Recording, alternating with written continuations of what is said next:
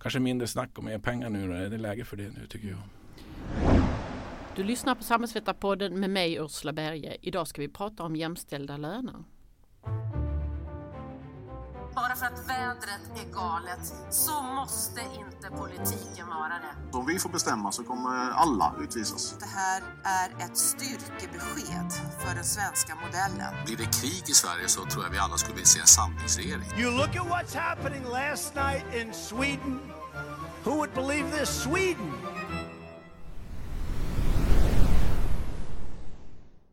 Akademikerförbundet SSR arbetar aktivt med internationella frågor och som en del av detta har vi en solidaritetsfond. Varje månad går en del av medlemsavgiften till att stötta kollegor och systerorganisationer runt om i världen genom fackligt, organisatoriskt och professionellt stöd. Vill du vara med och stå upp för arbetares fri och rättigheter i och utanför Sverige? Bli medlem i Akademikerförbundet SSR. Ring oss på 08-617 44 00 så berättar vi mer.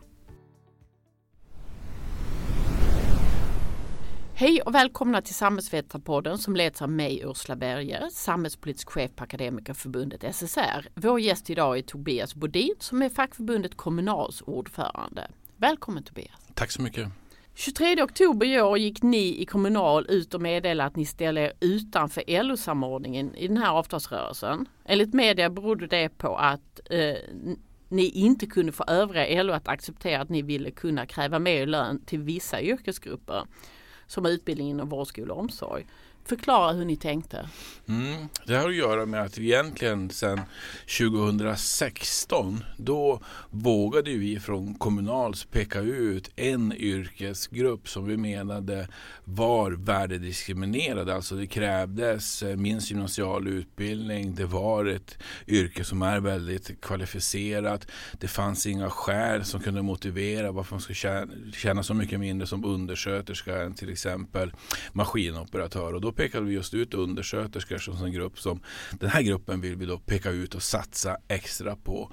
Det lyckades väldigt väl 2016. Eh, då hade vi ju ingen LO-samordning men då krokade Kommunal arm med IF Metall istället och då körde vi en satsning på undersköterskor under tre år och sen det fjärde året, alltså i år då, så kör vi då en extra satsning just på yrkesutbildade. Så i fyra år har vi på ena eller andra sättet just satsat extra på yrkesutbildade. Och för, mig var det självklart att det vill vi också göra det femte året. Så mitt så att säga, krav, Kommunals krav var att vi skulle få in en skrivning att utöver de krav som LO då hade lagt på bordet skulle vi få möjlighet eh, att för yrkesutbildade i vår skola omsorg kunna göra eh, satsningar. Det hoppades jag att jag skulle få stöd på, att vi kommunala skulle få stöd på, men det fick vi då inte. Eh, och då eh, kände vi att ska vi inte ens få möjligheten att försöka göra det vi har gjort under fyra år innan, då blir det omöjligt för mig att ställa upp då på LO-samordningen. Så det är huvudskälet. Det andra det är ju att vi i alla förbund i LO har ju bestämt att senast 2028 ska vi halvera skillnaden mellan mäns och kvinnors löner. Med det förslaget som man nu har samordnat sig kring så skulle det innebära att skillnaden mellan män och kvinnor minskar med 0,1 procent. Och då vet vi att mansdominerade yrken har positiv löneglidning. Kvinnodominerade yrken och avtalsområden som vi i kommunal har negativ löneglidning. Så det här, det får vi se sen, men det hävdar jag kommer leda till att skillnaden mellan kvinnor och mäns löner kommer öka mellan LO-förbunden. Och det gjorde det så extra tydligt att nej, det här går bara inte. Så att, därför står vi, eh, står vi utanför den här gången. Så nu kommer det bli väldigt tufft för oss, men vi hoppas ändå kunna klara det här och det är inte minst på grund av problematiken. Vi vill ju satsa på yrkesutbildade, för det är där arbetskraftsbristen är så total idag och kommer bli så mycket värre i framtiden. Därför får inte de här här fyra åren bara bli att det slutar nu utan nu måste vi fortsätta göra justeringar uppåt för de här grupperna. Mm.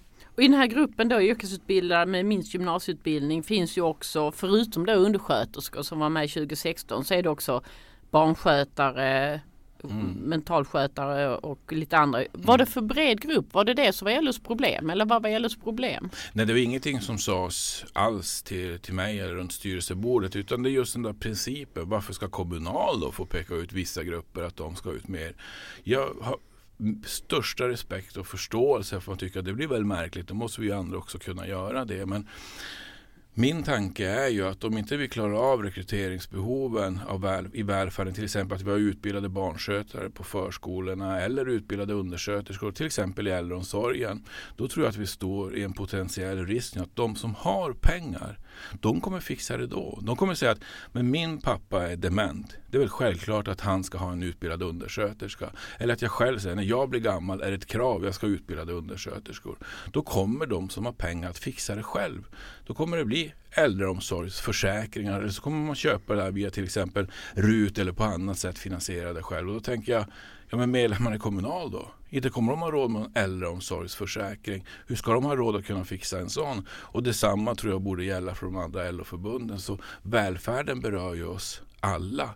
Och dessutom vet vi 140 000 människor, framförallt kvinnor då, som vanligt, har gått ner i arbetstid eller slutat jobba för man tycker redan idag att äldreomsorgen inte är nog bra. hemtjänsten är inte nog bra åt pappa.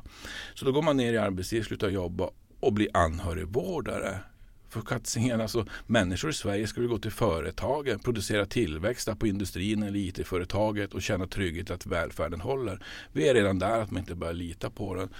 På det sättet kommer det drabba alla LO-förbund, alla fackförbund och också arbetsgivarna. Så att därför är det så viktigt att få göra det. Och därför hade jag ändå hoppats på att kunna få den där skrivningen. Det var inget löfte om vi skulle lyckas. Det fanns ju inga, inga krontal utan bara att vi skulle få försöka. Men vi fick inte det. Men, men vi vill försöka. Vi tror det är viktigt för medlemmarna, framförallt för välfärden. Så då kör vi själva den här gången.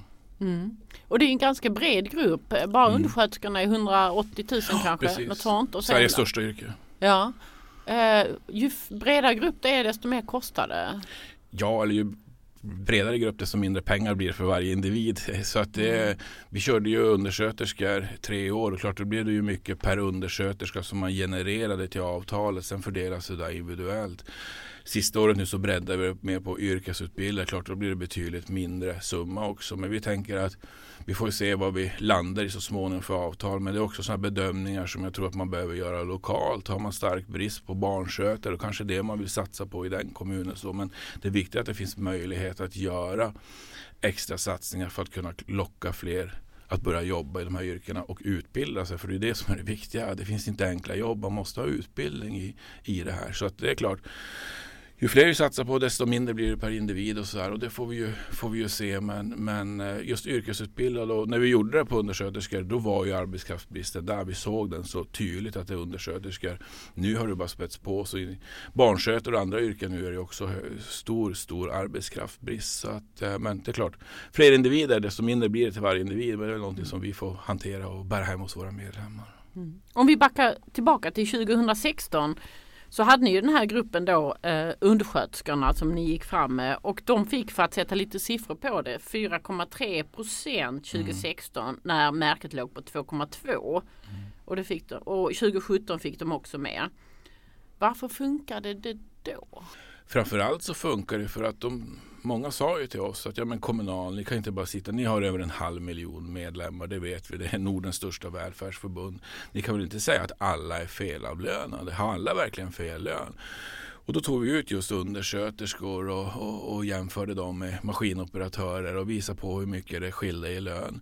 Eh, vi är ju inte mål än. Tittar jag nu idag hur det ser ut så en undersköterska idag får 40 000 kronor mindre per år än en bilreparatör. Alltså vi värderar 40 000 kronor mer att repa bilar än att vårda människor. Jag tror många tycker att det där är, är fel och jag tycker inte det är bilreparatören som har för hög lön. Det är fortfarande undersköterskan som har för låg lön. Och så ska vi tänka att det där är ju räknat upp på heltid. Hälften av undersköterskorna jobbar ju deltid och så förstår man att rejält i pengar i plånboken så är det så mycket mer. Så att, att vi har vågat peka ut och det tänker vi stå för, det tänker vi fortsätta att göra. Även om såklart många, vi har 238 olika yrken i Kommunal, så 237 omfattas då inte av undersköterskesatsningen. Men vi får ändå stå upp för att förklara varför. Det är just för att de som kräver gymnasieutbildning, där är så stark arbetskraftsbrist. Alla ska göra reallöneökningar, alla ska få mer pengar i plånboken.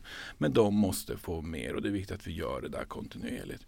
Så det ena att vi vågade göra det. Sen ska jag väl erkänna såklart att IF Metall då eh, krokade arm med Kommunal och tyckte att vi har det här att det ska löna sig att utbilda sig och vi tycker det ska skilja ganska mycket på ett äldreboende. Har du inte utbildning eller väljer att utbilda dig i tre år till undersköterska ska det skilja rätt mycket där.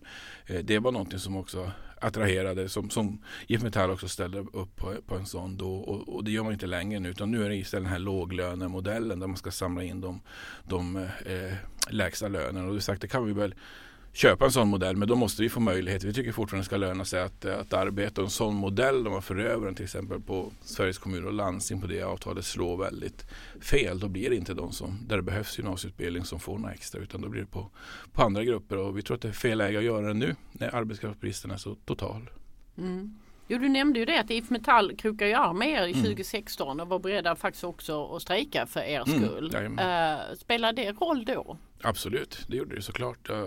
Det hade spelat roll om de 14 förbunden hade sagt att ja, men vi, vi står upp för Kommunal, vi, vi stöttar dem i det. Nu gör man inte det så står vi helt själva jag är ändå förhoppningsfull och, och, tror ändå att vi kommer att lyckas. För varje dag har vi nästan kontakt med arbetsgivarna och de sitter med problemet i, i knä. Vad fasiken ska vi göra? Vi hittar inte arbetskraften nu och då vet de hur det ser ut. Sveriges kommuner och landsting de behöver anställa en halv miljon, 500 000 till 2026. Det är typ på sex år ska man anställa en halv miljon. Det är ju så ofantligt många då som ska jobba i välfärden. Så de funderar ju väldigt mycket på det. Och, då måste vi, och så därför hoppas vi kan göra någonting. Och då ska jag bara säga, då är lön en del.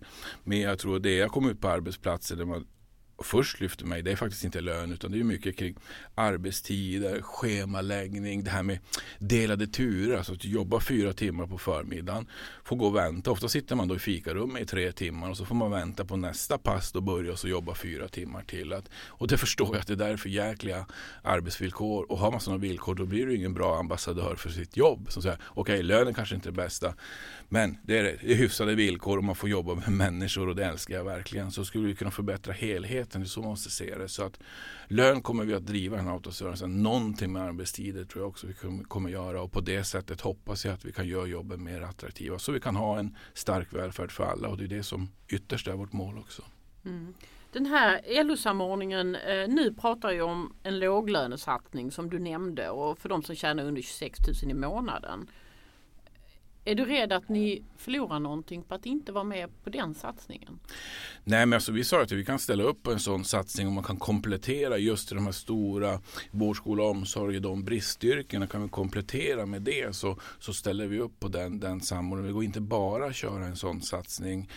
Däremot kommer vi fundera lite grann över taktiken att göra individuella satsningar på det sättet. Om vi tar till exempel ett avtal för de som jobbar inom RUT, hushållsnära tjänster. Och då ska man ju då göra, gå in och göra en speciell satsning då. Det är ett avtal där en sån här låglönesatsning träffar de individerna ganska konkret. Va? Det som är problemet är en väldigt flyktig grupp. Man går in och jobbar och så byter man eh, sektor, bransch och avtalsområde. Och så som händer om vi då nästa år får till en satsning på just den individen så byter den jobb. De får ta med sig pengar ut också från det kollektivavtalet. I Kommunal så tror vi det är viktigt att inte minst att höja lägsta lönerna i avtalet. Då pressar man ju hela lönestrukturen upp i det avtalet och på det sättet stannar så att säga pengarna kvar i det kollektivavtalet. Det man vill göra nu är en individsatsning. Vi kan köpa den men vi tror att på vissa avtal skulle det vara smartare att höja lägsta lönerna lite mer än, än, än vad andra får i löneökningar. På det sättet så kan pengarna stanna i det avtalet. Men sen slår det lite snett får jag ju erkänna att det är ju ett sådant avtal, hushållsnära tjänster. De, när jag räknar på, jämför det med LOs modell och en undersköterska så skulle de få fem gånger mer i procent än en, en undersköterska. Så då blir de man premierar. De ska också ha högre löner självklart. Men det är just undersköterskan man måste satsa på. Och det här blir helt motsatt effekt. Och precis tvärtom vad vi gjort i fyra år och kommit överens med arbetsgivarna. Så därför för ska jag inte stå upp för det men alla kommunala kommunal ska ha högre löner och vi ska kämpa för att höja lägsta löner. Det är jätteviktigt för oss. Mm. Och även om ni nu har lämnat LO-samordningen så eh, jag ska säga, teoretiskt sett, vad är mervärdet med LO-samordningen? Framförallt är det ju styrkan. Nu är det ju kommunalbyn halv miljon medlemmar utav LO och vi, andelsmässigt blir vi ju bara större och större i LO. Jag tror vi är uppe i nästan 40 procent nu. Så det är ju 40 procent utav genom att Kommunal har lämnat som står utanför LO-samordningen. Så det är klart att vi är stora och starka och vi har 70 kollektivavtal, 238 olika yrken och så här. Så nu går fram och med våra krav. Nu Där de ju styrka så att det är inte bara vi i Kommunal som, som säger här. Eh, LO-borgen och alla andra förbund står också bakom oss. Nu, nu gör man inte det. Så det är klart det minskar ju våra möjligheter att göra ett bra avtal. Så värde. Så det enda som har hänt nu är att det försämrar våra, våra möjligheter. Sen är det ju om man skulle gå så långt att det går till en konflikt, då är det möjligheten att begära sympatiåtgärder. Nu har vi ju aldrig gjort det i modern tid i varje fall, utan vi brukar ju hantera det där, där själva. Men den möjligheten finns ju och det är klart, det vet ju arbetsgivarna om att den styrkan hade vi kunnat ha att gå till andra förbund. Men eftersom vi har så många yrken och många avtal så brukar vi försöka lösa det där, där själv. Men ja, Självklart, mycket starkare om vi hade fått stöd. Jag är besviken att det inte gick. Det handlade om en mening. Jag hade trott faktiskt och hoppats på att vi skulle få till den här meningen så kunde vi också vara med i samordningen. Men nu står vi och 40 procent av medlemmarna utanför LO-samordningen. Så på det sättet är det väl måste en ganska historiskt svag LO-samordning måste man ändå erkänna. Mm. Och nu, nu har jag inte hela historien men man får bilden av att LO-samordningen alltid havererar på jämställda löner. Ja, visst är det konstigt. Varför klarar inte LO av den här frågan på ett vettigt sätt? Ja, för att det handlar ju om att ska vi få, om det, om det skiljer så mycket som det gör mellan mansdominerade yrken och kvinnodominerade yrken. Då handlar det om att kvinnodominerade yrken måste få mer än de mansdominerade. Det betyder att då måste de mansdominerade stå tillbaka. Och det är när man behöver göra det och låta då kvinnodominerade yrken ta ut mer. Det är väl då det blir lite jobbigt. Va? Eh, men det är det som måste till. Och, eh, så är det ju. 2016 då tog man ett rejält kliv. Det visar ju statistiken också mot mer jämställda löner mellan kvinnor och män inom LO. Jag såg senaste året nu så ökar tyvärr det där gapet och det är också för att vår satsning på undersköterskor börjar hög, högt och mattades sen av. Och då ser vi direkt att ni inte får ta ut de nivåerna så då, då ökar skillnaden mellan kvinnors och mäns löner. Men jag tyckte också det var tydligt och ärligt och ändå bra utav LO-ledningen. Jag tycker man ska vara ärlig i sånt här och det sa man ju också, inte minst på repskapet, att de här målen som jag pratade om till 2028 halvera, man kan inte fixa allt och man måste prioritera. Och tyvärr då, säger jag återigen, så kunde man inte prioritera jämställdheten den här gången heller. Jag tycker det där är ett stort problem. Det är lite pinsamt och det var det som också sa, hur ska jag se medlemmarna i ögonen? Så att vi har ställt upp på 2028 ska vi halvera. halvera. Senaste året ökade skillnaden mellan män och, män och kvinnors lön inom LO. Det kommer troligtvis öka ännu mer nu. Det blir jättesvårt för mig nu, eh, du har varit inne på det här med hur vi kompetensförsörjningen till um, välfärdssektorn och att det är så otroligt mycket bristyrken inom välfärdsyrkena också då bland era grupper. Vi har ju också sådana grupper som, mm, som är väldigt tydliga verkligen. bristyrken. Eh, har ni bättre förutsättningar att lyckas när vi är i en sån här bristsituation? Det är väl därför ändå jag tror, trots så ska man komma det är klart att vi ser att, att kommunerna har en för dålig ekonomi.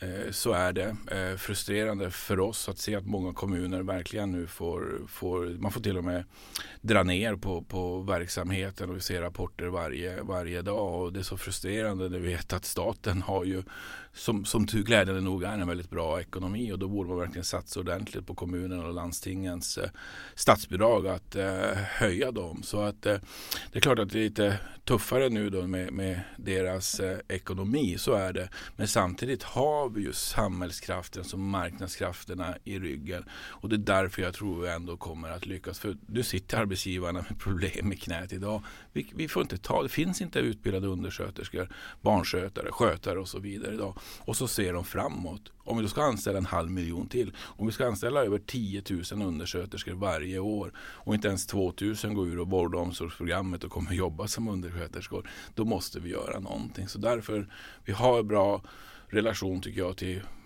våra arbetsgivare både på offentlig sektor och privat sektor.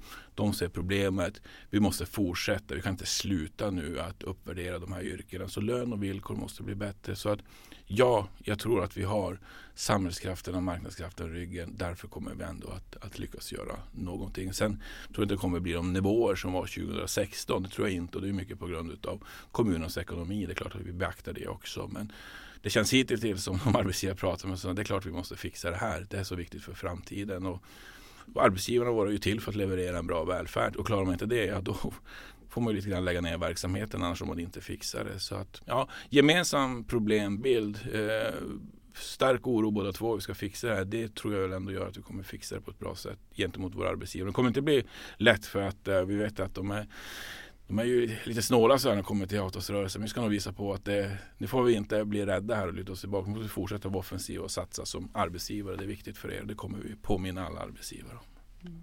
Och då förstår jag utifrån det du sa att eh, ni hade egentligen velat ha mer statsbidrag till kommunerna och regionerna. Oh ja. Ja. Och bara en liten liksom, utvikning här. Hur ställer du dig till det här balansmålet istället för överskottsmålet som Magdalena Andersson, finansministern, har bollat upp? Det är ju ett steg i helt rätt riktning och se hur kan vi ändå använda den goda ekonomi som vi har. Eh, så det är väl bra att man börjar prata om det. Det är väl dags att göra någonting nu. För hon har ju själv också sagt att vi behöver satsa 90 miljarder mer på välfärden till 2026. Och jag tror att hon kopplar ihop det väldigt mycket till den där halva miljonen som SKL måste, måste anställa och rekrytera. Men då är det dags att visa pengarna. Och den här budgeten blev ju inget mer än MKD-budgeten. jag har inte hittat mer pengar än de 5 miljarder som MKD också gick fram med. Och man hade möjlighet att visa på större ambitioner. Så jag var väldigt överraskad att det inte kom extra pengar. Så jag hoppas verkligen att det kommer nu under nästa år, höstbudget och så kommer en vårbudget där man ändå kan göra satsningar. Man kan också avisera tydligt vad man vill. För det som är frustrerande både för oss och arbetsgivarna det är att vi, vi vet faktiskt inte. Vi hör vad de säger, 90 miljarder prioritera välfärden först och så. Va? Eh, att Centern och Liberalerna inte vill, det har vi ju nu hört. Men jag har också träffat Centern och Liberalerna och de verkar ju ändå vara öppna för att hitta något balanserat sätt att göra det på. Men ändå ansvar för ekonomin och så. så varför inte tillskjuta mer pengar? Och det är väl ungefär så som vi tycker i Kommunal. Alltså, vi vill inte ha en finanskris. Vi vet vad som hände på 90-talet. Det drabbade och det var SSRs medlemmar likväl som Kommunals medlemmar som drabbade stenhårt. Vi ska ha en ansvarsfull ekonomisk politik för långsiktigt drabbade medlemmarna i välfärden. Men när vi nu har fyllt på lador och det har vi verkligen gjort och då har Magdalena Andersson gjort ett fantastiskt jobb och statsskulden är nere på jag tror det är 1977 års nivå eller sånt där. När ska vi använda pengar om inte, inte nu? Och vi tycker det är dags nu och det hoppas vi verkligen att det också kommer. Både för rekryteringsbehoven, för att förbättra villkoren men för att vi måste värna vår fantastiska välfärdsmodell, att den ska vara generell. Alla ska ha lika kvalitet och vi betalar via skatten. Men jag är orolig för att stå för ett ganska snart läge där det kommer att falla. Vi har sett sjukvårdsförsäkringar för att man tycker att jag inte kommer nog fort in på vården. Ja, men då fixar man försäkringar. Tycker man att äldreomsorgen inte håller måttet, att man till exempel har utbildade undersköterskor. Är det att man kanske ser äldreomsorgsförsäkringar på att man köper det där privat. Och helt plötsligt har vi då en modell som är du får något grundskydd men ska du ha bättre, då får du finansiera det själv. Och då har vi en helt ny välfärdsmodell. Så det här är som sagt viktigt. Det är klart att jag tänker på våra medlemmar i första hand. Det är de jag är till för. Men jag tänker faktiskt också på den svenska välfärdsmodellen. Och på det sättet också hur viktigt den är för företagande i Sverige. Att man känner tillit, att man kan gå till industrin och skapa tillväxt och så vidare. Så att det här är, tycker jag, en en oerhört viktig fråga och jag hoppas att fler också ser det. Och då kanske mindre snack om mer pengar nu. Det är läge för det nu tycker jag. Jag tänker Kommunal har ju alltid haft allmänhetens stöd. För just det här du säger att folk ser att välfärden och vård, skola och omsorg behöver pengar och när man själv är inne i den så ser man hur viktigt arbete bland annat era mm. grupper gör. Men, men, ni har ju alltid haft allmänhetens stöd och alla gillar ju era grupper. Eh, så, så det har ju aldrig förändrats riktigt. Men det har ju, eh, det har ju ändå inte lett till liksom, jättestora resurstillskott just för, för välfärdsarbetare. Nej, men jag tycker ändå vi har löst att ta avtalet som vi gjorde 2016, 17 och 18. Det var ändå ett historiskt framsteg. Att jag menar på att vi fick ju mer än andra grupper på, på arbetsmarknaden. Alltså varje undersköterska genererade 1020 kronor till lönepotten ett år. Det är klart för att det är också att funnits ett starkt stöd från omvärlden men inte minst andra arbetsgivare också. Är det avgörande men, för att ni ska lyckas? Att ja, ni har allmänhetens stöd? Ja, allmänhetens stöd men också skapa en acceptans för fler måste förstå hur viktigt det här är att vi klarar rekryteringsbehoven och det är inte minst i den värld som vi rör oss i, fackarbetsgivare, så hoppas vi på starkt stöd och hittills har vi haft en ganska bra relation också med andra arbetsgivare som finns på arbetsmarknaden och sett att det är viktigt att vi kan göra det här med, med förnuft och pragmatism men också med långsiktighet.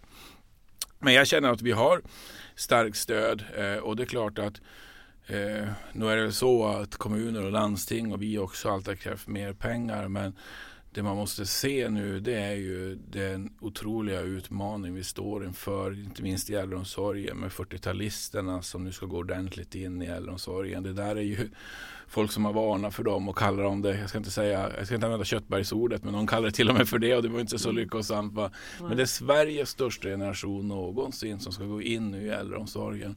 Just nu är det 30-talisterna, det är Sveriges minsta generation i modern tid. En ganska tacksam generation. Ja, tack ska jag få det här och så här. Jag tror med rätta tror jag 40-talisten eller varför deras barn kommer ställa högre krav. Och då måste man förstå hur så många fler, så var det 50 procent som är över 85 år kommer att öka med inom kort tid. Så det är en jätteutmaning. Och det här beror ju på någonting positivt. Dels demografin, vi blir fler äldre, men vi lever ju längre och längre och det går väldigt fort och det var ingen som kunde förutse det. Inte ens när man byggde pensionssystemet så blir man ju överraskad. Oj, gick det så här fort att vi lever längre? Det är fantastiskt bra. Men då tycker jag också att man byggt det här landet, jobbat, bidragit.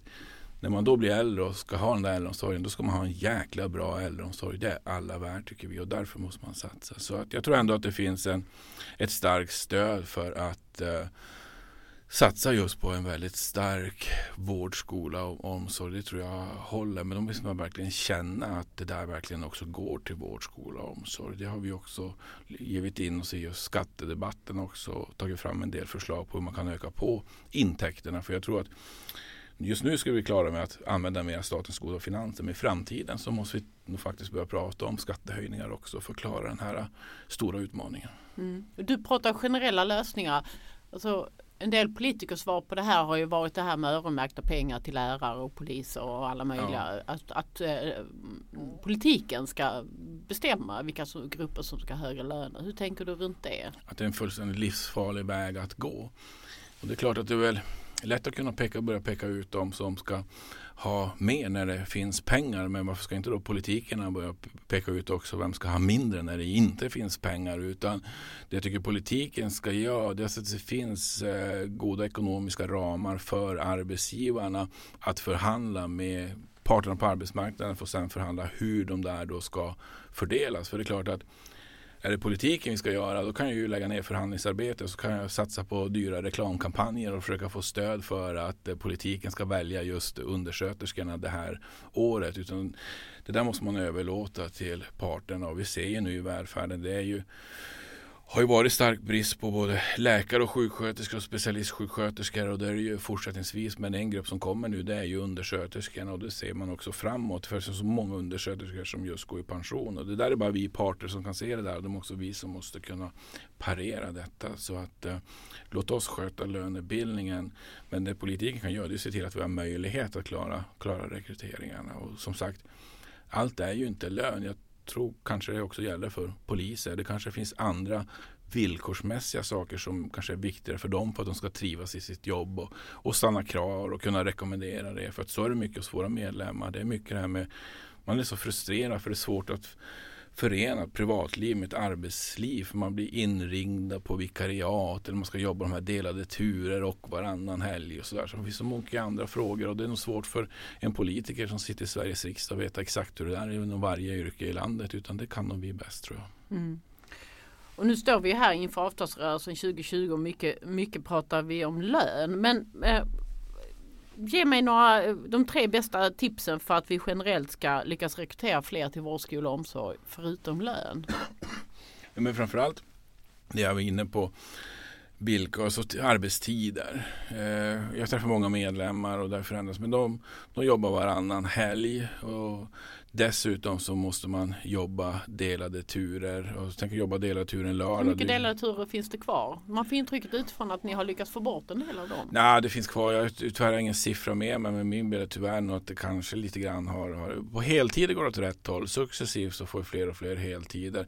Deltider törs jag inte säga. Min bild när jag är ute är att det blir ett större problem. Att det är fler som så säga, drabbas. I början var det mycket, det var bara på helgerna och så var det enbart de som var vikarier och inne. Och sen började även tillsvidareanställd personal få börja jobba deras turer på, på helgerna. Och nu möter jag många som har det på, på vardagarna. Så jag tror Sen, våra medlemmar vet, de har valt yrken där man jobbar alla dagar på året. Man måste jobba på julafton, man måste jobba dygnet runt och så. Men gör det så drägligt som möjligt. Det tror jag är väldigt, väldigt eh, viktigt. Så ska vi säga dels då arbetstider. Sen ska jag också säga arbetsmiljön. Alltså här går det ju för sakta. Sjukskrivningstalen inom äldreomsorgen är såklart högst i landet. Det är dubbelt så höga sjuktal i äldreomsorgen som i byggsektorn som jag tror många säger, byggsektorn det är verkligen tuffa jobb och det är det verkligen. Men sjuktalen är dubbelt så höga i äldreomsorgen. Man ska ha ett jobb där man, inte, där man verkligen orkar klara av sitt jobb och inte vara slut när man går hem till familjen och att man gärna orkar jobba längre än till 63 för det är då man tvingas sluta idag för att man har så pass tuffa jobb. Så det är snittet. Är det fysiskt eller psykiskt? Förut var det mycket fysiskt och har vi jobbat aktivt med att få mer hjälpmedel, att verkligen använda hjälpmedel och så. Nu är det mycket mer psykosocialt och det ser man också på sjuktalen och det är just den där, tror jag, samvetsstressen som jag kallar det för att man det har alltid varit tufft att jobba i välfärden. Det är högt tempo, man ska hinna mycket göra på förskolan, äldreboendet och så här. Men när man går hem då är man ändå bara, åh, jag klarade den här dagen, va? det känns härligt och vad, vad, vad bra jag varit. Men kommer man hem, sätter sig i soffan, kanske ska slappna av med sudoku eller kolla någon Netflix-serie eller något sånt där. Och så kommer tankarna att fasiken, jag hann inte det jag ville göra idag. Idag var jag inte riktigt bra undersköterska eller barnskötare. Och så sitter det där och mal på kvällen där man ska koppla av och sådär. Då är det en farlig väg och där vittnar många till mig att det är precis så det är. Man kände att nej, men imorgon, då ska jag hinna göra det jag ska. Och så hinner man inte det. Så, att, så att då tror jag arbetsmiljö, arbetstider. Sen tror jag också att kunna påverka ändå sin egen situation. Så enkla saker som att påverka sitt schema. Idag är det allt för många som får schemana, inte minst i hemtjänsten, utspottade av ett dataprogram varje morgon. Så när de lämnar den där äldre i hemtjänsten sista gången de ska gå hem så frågar de när kommer du nästa gång? Ingen aning. Jag får mitt schema utspottat imorgon. Så att kunna påverka det arbetssituationen men också kunna påverka hur jag vill lägga mina arbetstider. Vet jag att om två och en halv månad då, tar min, då ska min son spela en fotbollscup. Då ska du vara ledig på fredagen. Kan man då lägga in önskningar om att inte jobba den dagen och kunna påverka sitt schema på det sättet. Då vet jag att då, då blir man mycket nöjdare. Och jag, på många arbetsplatser det nästan funkar att göra så. Att kunna styra sitt schema. Att inte lägga kväll på tisdagar för att vilja själv gå på yoga. Eller det ska vara men många arbetsgivare har gett upp det och tagit den makten från arbetsplatsen, både från undersköterskan och dess närmaste chef. Och så har de lagt det på någon system, schemaadministratör borta på kommunhuset.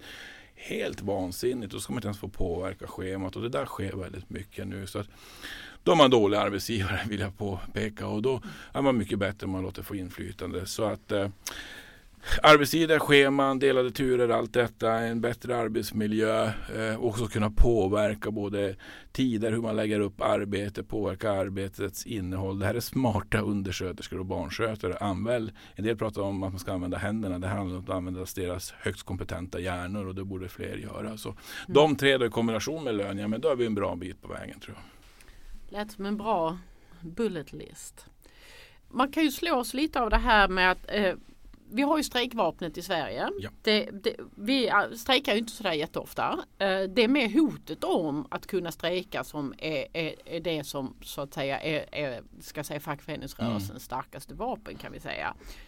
Samtidigt så, så företräder du grupper som ofta eh, mm. liksom anses att det anses samhällsfarligt om Precis. man ska strejka. Tänker, det, det skapar ju en obalans och ja. förutsättningar för er att trycka fram högre löner blir sämre än andra grupper. Mm. Alltså finns det ingen moraliskt, eh, någon form av inomfacklig solidaritet för att de som inte kan strejka måste få högre löner på andra sätt?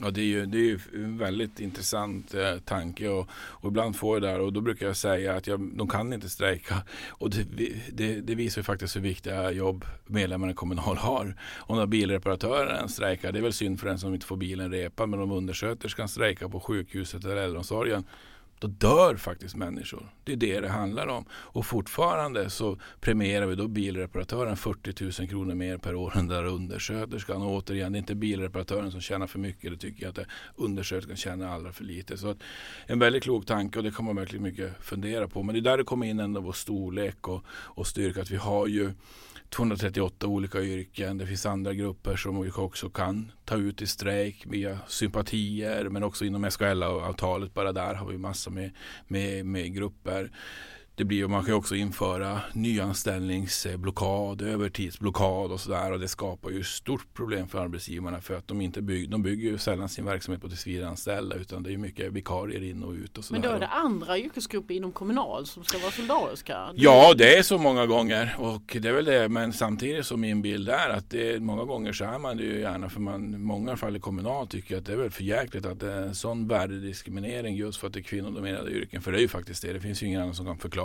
det här att det ska, man ska tjäna så mycket mindre bara för att man räddar livet och vårdar människor än man jobbar med döda ting och så. så att, det brukar ändå gå rätt bra. Det måste, oftast finns det de som är, är villiga att ställa upp. Men sen återigen, vi ska ju höja lönerna för alla de här yrkesgrupperna i Kommunal. Alla ska ha reallöneökningar. Vi ska höja lägsta lönerna. Vi kommer ju såklart föra fram krav på andra saker också den här avtalsrörelsen. Och bara det kommer ju inte bli, bli, bli lätt. Så att, och som sagt, nu står vi utanför LO-samordningen. Det här är på det sättet stå så helt ensamma som vi har gjort. Det är någonting nytt och unikt. Så att nu håller vi ihop. Men jag tycker att så att säga, kämpaglöden, kampviljan i Kommunal är fantastisk just nu. Man är ganska förbannade också och hade väl trott, precis som jag, att vi skulle få stöd av fler. Men då visar det på att vi är en fackförening Kommunal. Vi är medlemmar allihop i vår fina förening och vi håller ihop solidariskt med varandra. Så att det tror jag ändå kommer gå på ett eh, bra sätt. Mm.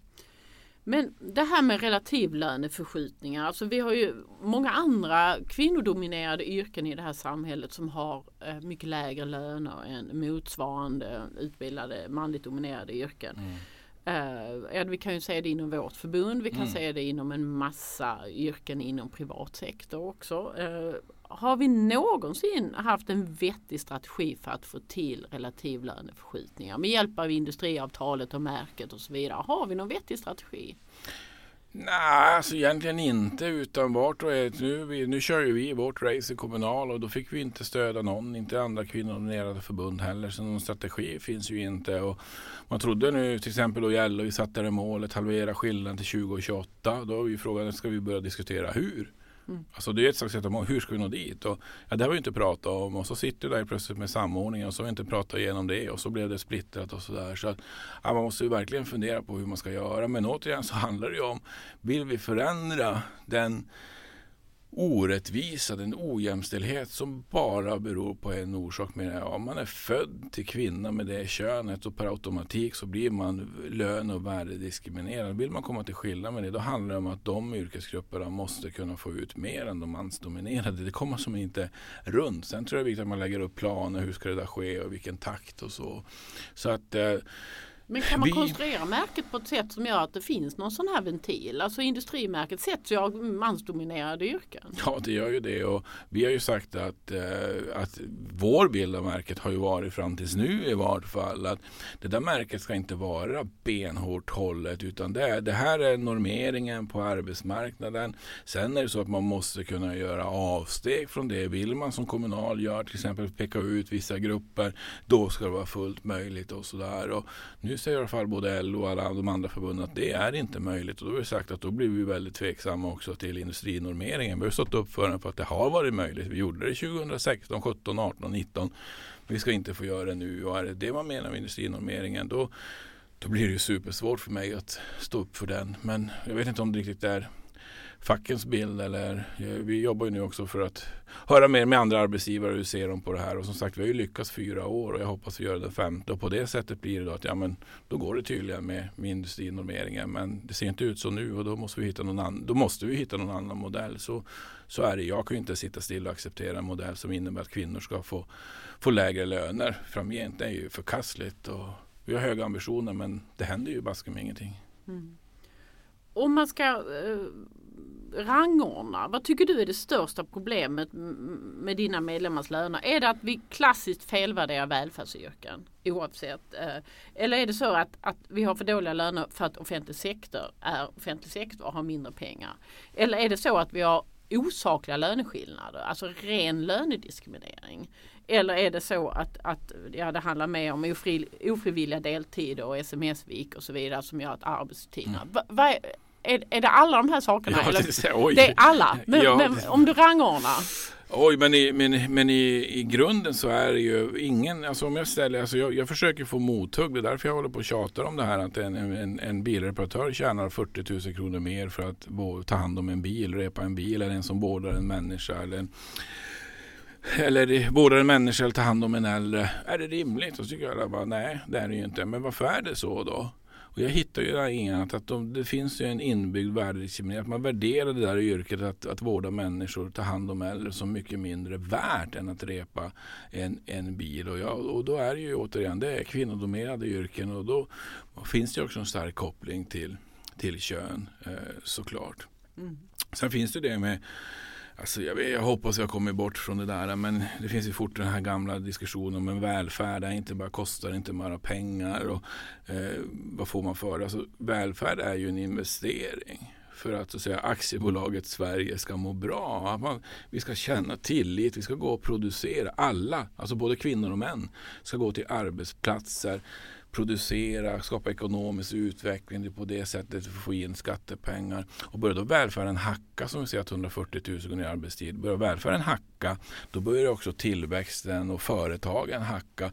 Börjar för, och, och, och på det sättet börjar hela välfärdsmodellen halta. Och börjar företagen hacka och inte gå bra, ja, då blir det mindre skatteintäkter och så här. Så därför behövs båda. Så att välfärden är en investering för att företag, ekonomisk tillväxt ska fungera. Ska vi börja konkurrera med anhörigvård som andra sydeuropeiska länder, det vore en förkastlig väg att, att ta. Så att, ja, att det är kvinnor, det finns ingen saklig grund. Man ser inte vikten av att kanske just stärka eh, välfärden är väl en del också. Och sen är det ju där att just hälften av medlemmarna eh, jobbar deltid i, i, i kommunal. Så att det är klart att det gör ju då att lägre löner och deltid gör att livsinkomsten minskar, pensionerna blir lägre och så. så att, eh, Det är allt. ja, det är allting. Det är, det, är, det är en kombination utav det, det är absolut. För de som säger att ja, det går ju ändå åt rätt håll och, och jag var med och startade en rörelse som heter 1551 för Ja. några år sedan och som handlar om att kvinnor jobbar gratis efter 1551 och man räknar att man eh, jobbar till 17. Nu heter den 1606. Jo. Eh, De som säger att du är otålig, att det ändå går åt rätt håll. Vad säger du till dem? Nej men just heltiderna, jag tror jag nämnde det tidigare på den, att det går åt rätt håll. Det går sakta. Men det är också så att det måste ta lite tid. För att nu är det så att vi har en norm som går ut på att kvinnor ska jobba deltid. Eh, inte minst då i LO-förbunden är det ju så. Sen har det bland annat att göra med att fortfarande så tar kvinnor större del av hem och ansvar. För de ska ju hinna hem och hämta barn och ta hand om disk och handla mat och allt det där. Så normen är kvinnor jobbar deltid och normen är att män jobbar heltid. Så är det. Jag själv är maskinist, jobbar på tekniska förvaltningen. Självklart att det var, det var 7 till 4 och det var heltidsanställningar. Ska jag börja säga att nu ska jag gå ner i arbetstid för barnen är små. Då hade jag skapat kaos på min arbetsplats för normen är heltid. Och det är därför det blir kaos om du trycker in en heltidsnorm i en i i en deltidsnorm som är nu på ett äldreboende. Så Nu ska alla börja ha heltid från ena dagen till den andra. Då blir det kaos där också. På samma sätt som om män ska börja jobba deltid skulle det bli kaos på industrierna också.